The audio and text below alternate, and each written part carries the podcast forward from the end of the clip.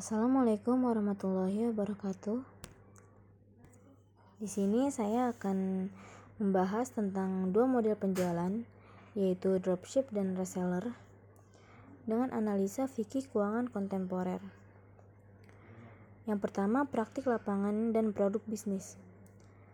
Dropshipping adalah suatu sistem jual beli di mana penjual menjual produk yang tidak dimiliki dan tidak memiliki persediaannya atau stok barang Penjual hanya bermodalkan sampel contoh dari barang milik supplier, biasanya berupa foto yang kemudian dipasarkan kepada konsumen.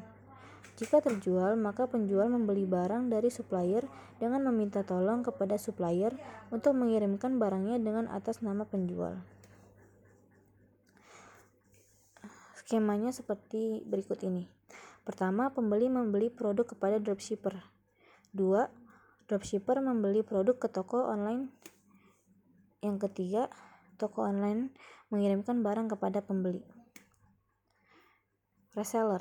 Reseller merupakan sebuah penjual yang menjual barang milik penjual lain, bukan barang miliknya, sehingga reseller sendiri mampu membantu memasarkan penjualan dari penjual lain. Sistem yang diterapkan reseller dalam ilmu manajemen termasuk sebagai strategi distribusi tak langsung atau indirect. Distribusi tak langsung sendiri memiliki pengertian penyaluran atau penjualan barang dari produsen kepada konsumen melalui perantara yang dilakukan oleh agen, maklar, atau reseller. Skemanya seperti berikut ini. Pertama, pembeli membeli produk kepada reseller. Dua, reseller membeli produk kepada toko online. Tiga, toko online mengirimkan produk kepada reseller. Empat, reseller mengirimkan produk pesanannya kepada pembeli. Yang kedua, parameter kesesuaian syariah.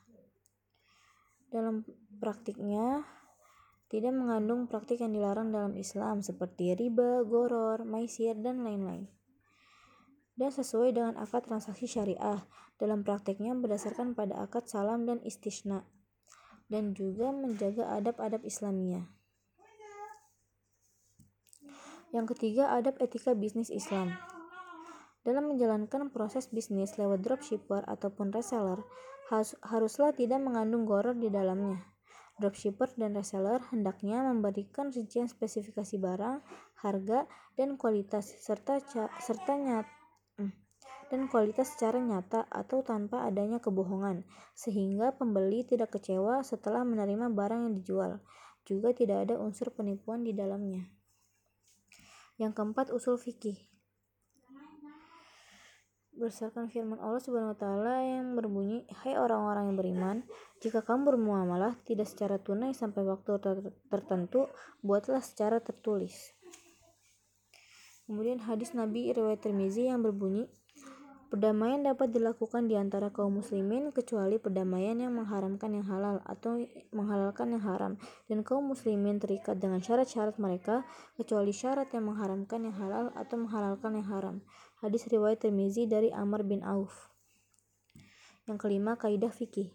Pada dasarnya, semua bentuk muamalah boleh dilakukan kecuali ada dalil yang mengharamkannya. Menurut mazhab Hanafi, istisna hukumnya boleh atau jawas karena hal itu telah dilakukan oleh masyarakat muslim sejak masa awal tanpa ada pihak ulama yang mengingkarinya. Yang keenam, makosid syariah.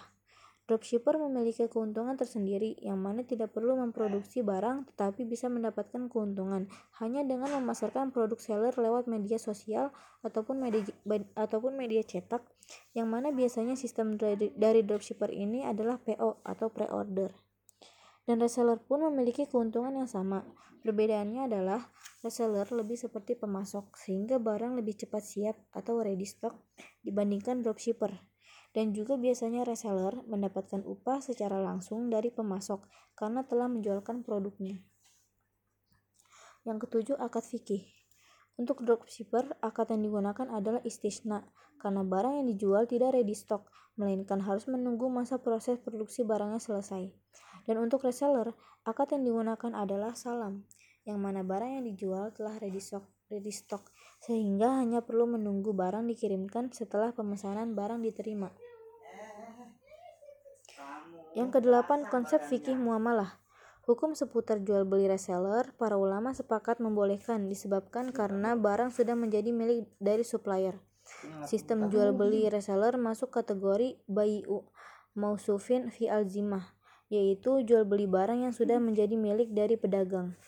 Akad yang berlaku adalah akad salam, yaitu sistem jual akad pesan. Cirinya adalah barang sudah berada dalam kuasa pedagang. Yang kedua diketahui rasul malnya atau modal pokoknya. Dropshipper terbagi menjadi dua. Yang pertama, dropshipper tanpa izin supplier yang mencantumkan banyak ragam barang yang ditawarkan, sementara barangnya masih berada di tangan orang lain yang menjadi pedagang aslinya. Ia hanya berperan mencarikan barang tanpa kesepakatan imbalan atau ujroh dengan pedagang pertama. Sebagai gambaran mudahnya adalah perdagangan ala makelaran. Barang yang ditawarkan belum menjadi milik makelar dan belum mendapat izin atau meminta izin kepada pedagang aslinya tapi dia sudah menawarkan barang. Kedua, dropshipper dengan izin supplier. Biasanya dilakukan dengan jalan pihak dropshipper, meminta izin kepada supplier untuk ikut menjualkan barangnya. Dengan demikian, pedagang berperan selaku orang yang diizinkan atau mendapatkan kuasa menjualkan. Selaku orang yang mendapatkan hak kuasa, maka kedudukannya hampir sama dengan pedagang reseller. Hanya saja kondisi barang yang dijual belum ada di tangan pedagang. Kesimpulannya adalah Dropshipping adalah jual beli online tanpa modal dengan barang yang masih belum menjadi milik pihak penjual. Terkait dropshipping tanpa izin menjualkan barang oleh supplier, hukumnya adalah haram menurut mayoritas ulama. Hanya mazhab Hanafi saja yang memperbolehkan sistem jual beli ini. Yang kesembilan, Fatwa DSN MUI. Fatwa DSN MUI nomor 5 tahun 2000 tentang jual beli salam dan juga Fatwa DSN MUI nomor 6 tahun 2000 tentang jual beli istisna. Yang ke-10 Fatwa Standar Syariah AOIV. Standar Syariah AOIV nomor 10 tentang salam dan paralel salam. Kemudian Standar Syariah AOIV nomor 11 tentang istisna dan paralel istisna. Yang ke-11 UU dan regulasi terkait. UU nomor 11 tahun 2008 sebagai efek perkembangan perdagangan elektronik yang terjadi juga untuk memberikan keamanan dalam melakukan transaksi tanpa adanya interaksi langsung. Yang ke-12, jurnal-jurnal nasional dan internasional. Jual beli online yang aman dan syar'i, studi terhadap pandangan pelaku bisnis online di kalangan mahasiswa dan alumni Fakultas Syariah dan Hukum UIN Sunan Kalijaga oleh Friska Muti. Para pelaku bisnis online dalam melakukan transaksi jual beli secara online mempunyai metode tersendiri pada saat pembayaran maupun pengiriman barang. Yang ke-13, berita dan informasi. Dikutip dari republika.co.id, konsultasi syariah, apa hukum bisnis sebagai seller, reseller?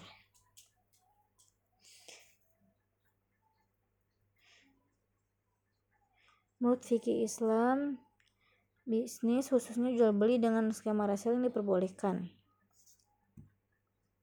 dengan ketentuan uh, dan ketentuan tertentu. Kemudian ada juga berita dari website persisbandung.ac.id uh, judulnya adalah hukum jual beli online dengan sistem dropship dalam Islam. Perbedaan dropshipper dan reseller adalah jika dropshipper tidak menyetok barang, adapun reseller menyetok barang. Yang ke-14 manajemen resiko dan manajemen pemasaran. Dalam melayani konsumen, pasti ada saja yang kurang bersabar atau bahkan sampai menghujat. Padahal kesalahan belum tentu dari penjual saja. Maka yang harus dilakukan dropshipper ataupun reseller adalah tetap bersikap ramah dan jangan terpancing emosi. Jadikanlah komplain pembeli sebagai pacuan untuk melayani dengan lebih baik lagi. Sekian dan terima kasih.